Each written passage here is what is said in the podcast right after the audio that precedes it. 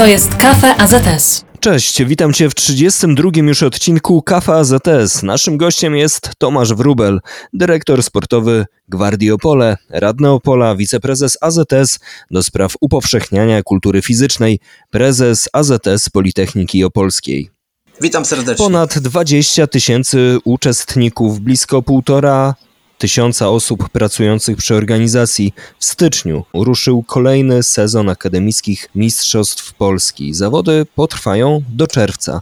Na jakim etapie jesteśmy teraz? Wiemy oczywiście, jest to tak e, już według terminarza. Większość imprez, e, oczywiście w normalnym sezonie, niezakłóconym przez e, pandemię, no to odbywa się w określonych porach i to wszyscy organizatorzy i uczestnicy są do pewnych dyscyplin przyzwyczajeni, aczkolwiek pojawiają się też nowe dyscypliny, które muszą znaleźć swoje miejsce w e, kalendarzu, bo czasami trochę ze sobą no, kolidują, no, choćby koszykówka 3 na 3 która musi poczekać, aż skończy się jej odmiana halowa, tak jak siatkówka plażowa musi poczekać, aż skończy się odmiana halowa siatkówki. Czyli tutaj mówimy o tych dwóch dyscyplinach, czy jeszcze jakieś się nowe pojawiły? Cały czas e, staramy się znaleźć e, właściwe rozwiązania, dlatego że ja, ja na przykład nie jestem zwolennikiem tego, że jakaś dyscyplina ma przez zasiedzenie być cały czas w gronie dyscyplin. Dwa lata temu wprowadziliśmy coś takiego jak dyscypliny pokazowe, to znaczy dyscypliny, które są ciekawe. Jeśli będą miały odpowiednią liczbę uczestników, uczestniczących uczelni, no to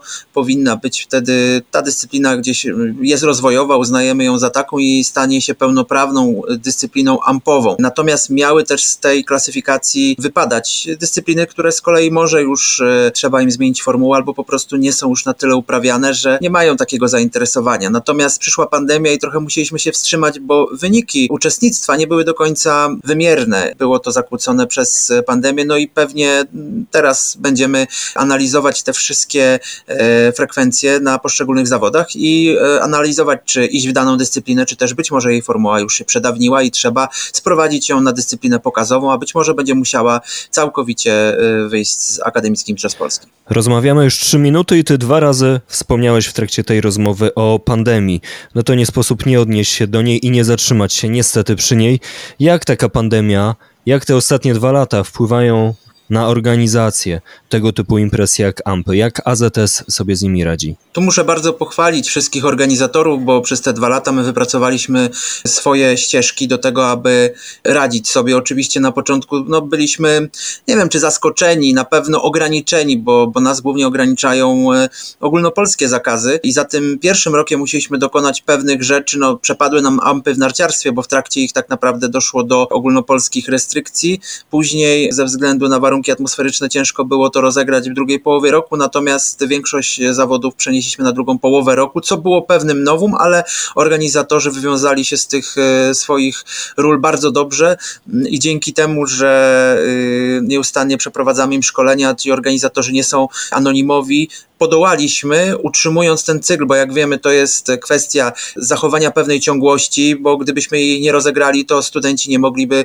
mieć praw do stypendium, my nie moglibyśmy rozliczać dotacji, to zawsze są problemy natury finansowej, ale i nie tylko. Także udało się to zrobić, choć niektórzy nie podjęli rękawicy, bo uczelnie po prostu zablokowały udział studentów, e, nad czym gdzieś ubolewaliśmy, ale większość wzięła udział, także na pewno w tym pierwszym roku było to trudniejsze. W drugim roku myślę, że już e, dużo bardziej przyzwyczajeni byliśmy do tego wszystkiego. Mieliśmy też, mamy też, jak mówiłem, swoje procedury, oświadczenia covidowe przed każdym spotkaniem, przed każdymi zawodami, które obowiązują również w tej edycji. Organizatorzy y, no, działają już z automatu, także pokazało to, że jako organizacja potrafimy dopasować się do zmieniających warunków rzeczywistości i potrafimy zrobić imprezy na naprawdę wysokim poziomie. To jest Kafe AZS, a naszym gościem jest dzisiaj Tomasz Wrubel. Przed chwilą, na samym początku w zasadzie naszej rozmowy wymieniłem wiele Twoich afiliacji. Jak sobie radzisz z nimi na co dzień?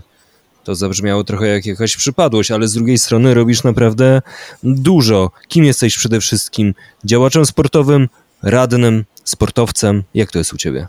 Na pewno wyrosłem z tego, że byłem dużym społecznikiem i no, trochę się zapętliłem kiedyś w tej rzeczy i zostało mi to do dzisiaj, dlatego lubię, nie za wszystko co robię, biorę pieniądze. To też jest kwestia tego, że e, wiele rzeczy nie chcę zostawiać, bo po prostu są to jakieś tam projekty, to są moje dzieci i e, ciężko się pozbywać ich. E, natomiast też ciężko godzić czasami z czasem, e, łączyć te wszystkie funkcje. Mi się to udaje, ale tak jak znam osoby, raczej tak ci, którzy dużo robią, to najłatwiej łączą to wszystko i potrafią sobie wszystko zaplanować. Na pewno chyba działaczem sportowym tak bym się określił najbardziej. Jest to choć słowo działacz sportowy po aferach PZP, no jakiegoś to czasu. To nie brzmi dobrze. Musicie e, wy działacze wymyślić tak. nowe słowo określające działacza. Liderzy AZS, tak. To, to, to, to, to może w tym, w tym gronie, w tym gronie A tak. radny? No bo to też różnie się kojarzy. Interesuje się polityką. Ale na szczeblu e, lokalnym, czy na szczeblu ogólnokrajowym? Albo zadam inaczej, wprost. Czy chcesz być radnym po to, żeby zasiadać potem na ławach e, przy ulicy Wiejskiej w Warszawie. To jest oczywiście wielka misja i dużo trzeba pracy wykonać, aby gdzieś tam się znaleźć. Na razie zajmuję się polityką samorządową, ponieważ jestem też lokalnym patriotą i bycie radnym pozwala mi też realizować e, interesy mojego klubu, drugiego klubu, robić dobre rzeczy dla mieszkańców miasta, rozwijać miasto pod kątem sportowym, bo taki boom sportowy, jaki dzieje się w Opolu od momentu, gdy przejęliśmy władzę w Opolu wraz z prezydentem Arkadiuszem Wiśniewskim, no to trudno naprawdę było w poprzednich latach to robić. To dość powiedzieć, że dzisiaj no, z zespołów mamy, mamy już ekstraklasę Gwardii Opole, mamy futsal, ekstraklasę mężczyzn, mamy siatkarki. W ekstraklasie dużo innych sportów indywidualnych, mamy mistrza olimpijskiego Dawida Toma, ale no, naprawdę rozwija się to na każdym szczeblu i z tego jestem dumny. Dopóki się to będzie rozwijać, to też bardzo chętnie dołożę swoją cegiełkę do tego, żeby, żeby, żeby móc y, ten sport y, pielęgnować. Wspomniany Dawid Tomala był gościem Kafa AZS. Zachęcam do odsłuchania słuchania naszej rozmowy. Znajdziecie ją na Apple Podcast, na Spotify'u, na Anchor FM, na YouTubie i w mediach AZS-u. Zapraszam Was bardzo e, serdecznie, ale my powróćmy do naszego gościa, Tomasz Wrubel. Uciekł przed chwilą od jednego pytania. Czy myśli o tym, żeby za czas jakiś e, porzucić bycie radnym, ale pozostać w polityce, tylko przejść do tej większej polityki? Czy chciałbyś w jakiejś tam odległej, ale jednak perspektywie? Przede wszystkim chciałbym mieć sprawczość. Pójść do Sejmu i nie mieć sprawczości, to jest, e, wydaje mi się, że lepiej być radnym i, i tą sprawczość mieć. E, to mm, tak zależy. Jeśli rzeczywiście miałbym mieć sprawczość, to chciałbym, ale nie wiem, czy jestem w stanie sobie odpowiedzieć na to pytanie przed startem i czy no, wielu próbuje, to też raczej staram się, no, muszę, muszę to wyczuć. Staram się zawsze, żeby e, działać tak, żeby to, co robię do tej pory, nie musieć tego przekreślać, tylko móc cały czas gdzieś być w sporcie, bo to kocham najbardziej. Wywołałeś przed chwilą Gwardię Opole, to przy niej się zatrzymajmy. Jesteś tam dyrektorem sportowym. Jakie macie ambicje na ten rok, na ten sezon? Ponad już 4-5 lat temu Gwardia miała dosyć duże problemy finansowe i, i zarządcze.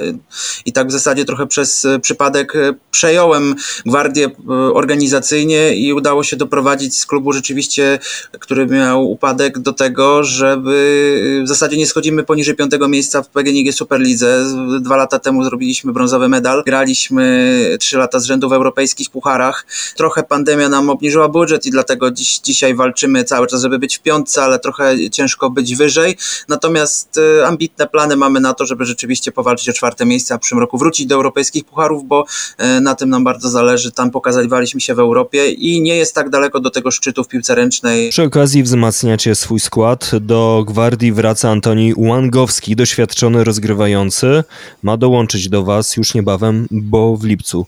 Spodziewane są kolejne wzmocnienia drużyny? Tak, chcemy troszkę skład wymienić, e, na pewno zwiększyć siłę ognia. Teraz mamy problemy z kontuzjami rozgrywających i ciężko, bo to rozgrywający w głównej mierze decydują o tym, mm, jaka jest siła ognia drużyny. Jak do rozgrywających wychodzą obrońcy, to jest miejsce na kole, jest miejsce na skrzydle. A trzeba powiedzieć, że jakby przez moją osobę też dobrze Gwardia jakby jest takim elementem mm, połączonym z Politechniką Opolską, bo w zasadzie wszyscy młodzi zawodnicy studiują na Politechnice Opolskiej.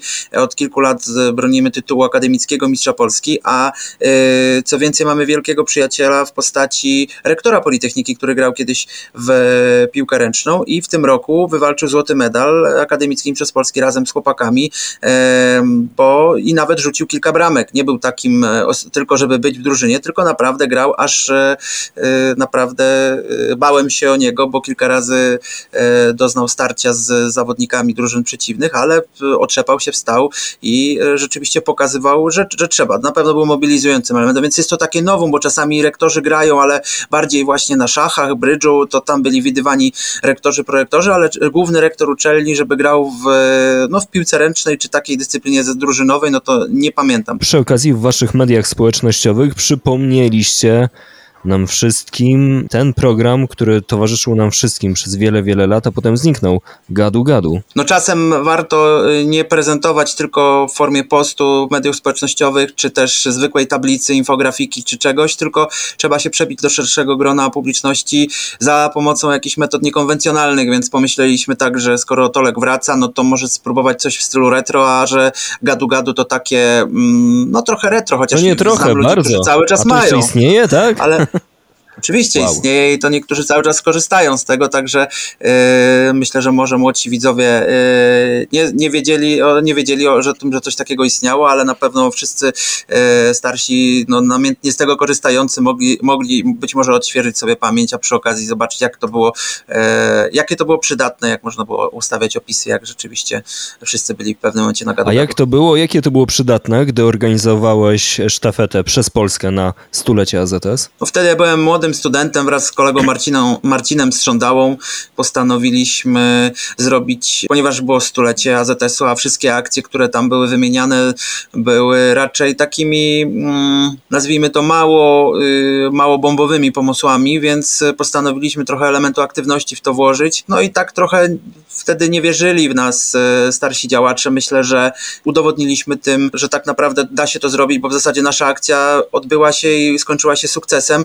No i ja chyba chyba też na tym wypłynąłem wtedy w AZS-ie. Udało mi się gdzieś tą moją ścieżkę kariery w jakiś sposób AZS-ową wtedy zbudować, bo, bo z e, małego studenta gdzieś tam e, zaczęli mnie dostrzegać ludzie w Polsce, dawać szansę moi e, mentorzy AZS-owi, jak Mariusz Walczak czy Dariusz Piekut. Czyli widać, że nie potrafisz usiedzieć na miejscu, czego najlepszym dowodem jest to, że dwa razy przejechałeś Polskę na rowerze w celach charytatywnych. Kiedy to było i w jakich kierunkach jeździłeś? Ile kilometrów zrobiłeś i na jakim rowerze? To jest tak, że ostatni raz, ten drugi raz to był 6 lat temu. Wtedy mieliśmy jechać w dwójkę, no ale kolega, który też jechał, e, rozbił się na zjeżdżając z, z Białki Tatrzańskiej, więc w zasadzie od drugiego etapu jechałem sam. E, jechaliśmy z takimi extra wheelami, czyli takimi przyczepkami. Tam nie wypięła się przyczepka i ściągnęła go do, e, no uderzył mocno w asfalt i tak gdzieś później w zasadzie była to już samotna wyprawa. Natomiast e, mam zamiar też w tym roku przejechać Polskę.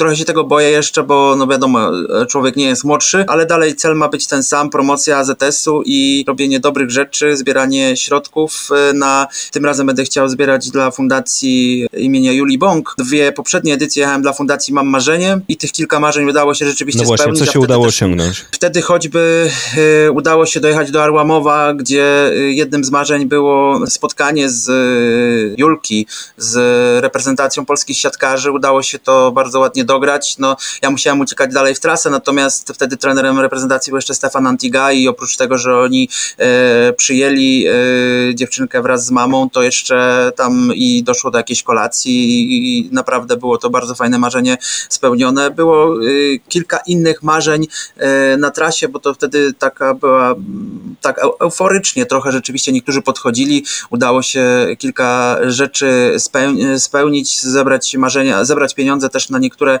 inne marzenia. W tym e, roku no, też będę chciał gdzieś przejechać, aczkolwiek małe marzenie moje jest takie, żebym jednak mimo tego, że parę lat upłynęło, to i zdrowie już nie to samo, no to że, że, że rzeczywiście uda mi się to zrobić. Ale czy masz już jakiś zarys trasy? To będzie pewnie podobna trasa jak e, w poprzednich latach. To jest e, 20 dni jazdy, 3000 kilometrów około wzdłuż Polski, wzdłuż granic Polski.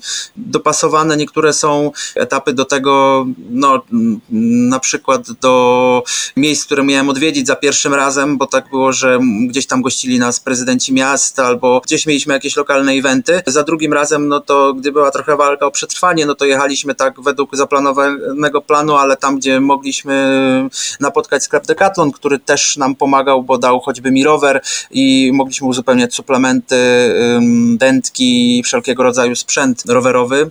No i jak będzie w tym roku jeszcze trasy dokładnej nie mam, ale na pewno w tym samym kierunku i czas trwania będzie podobny. Mniej więcej wychodzi 180 km, tak na jeden etap średnio 170-180 km. Widać, że masz pamięć do cyfr. 125 godzin 49 minut. Wyjaśnij, co to za osiągnięcie.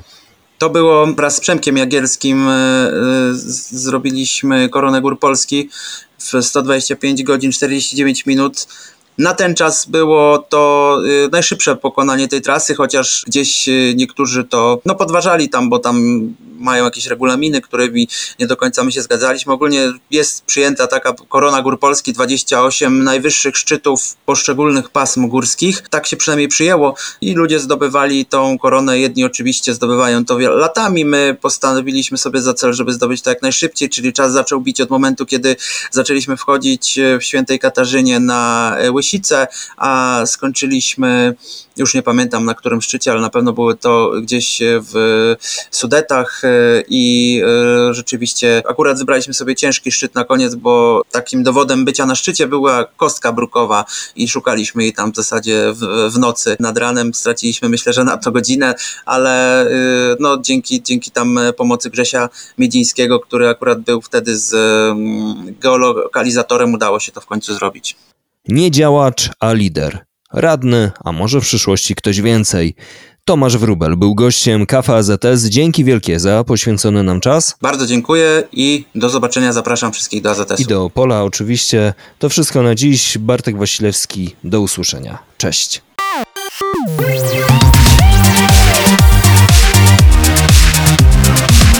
To jest Kafe AZS.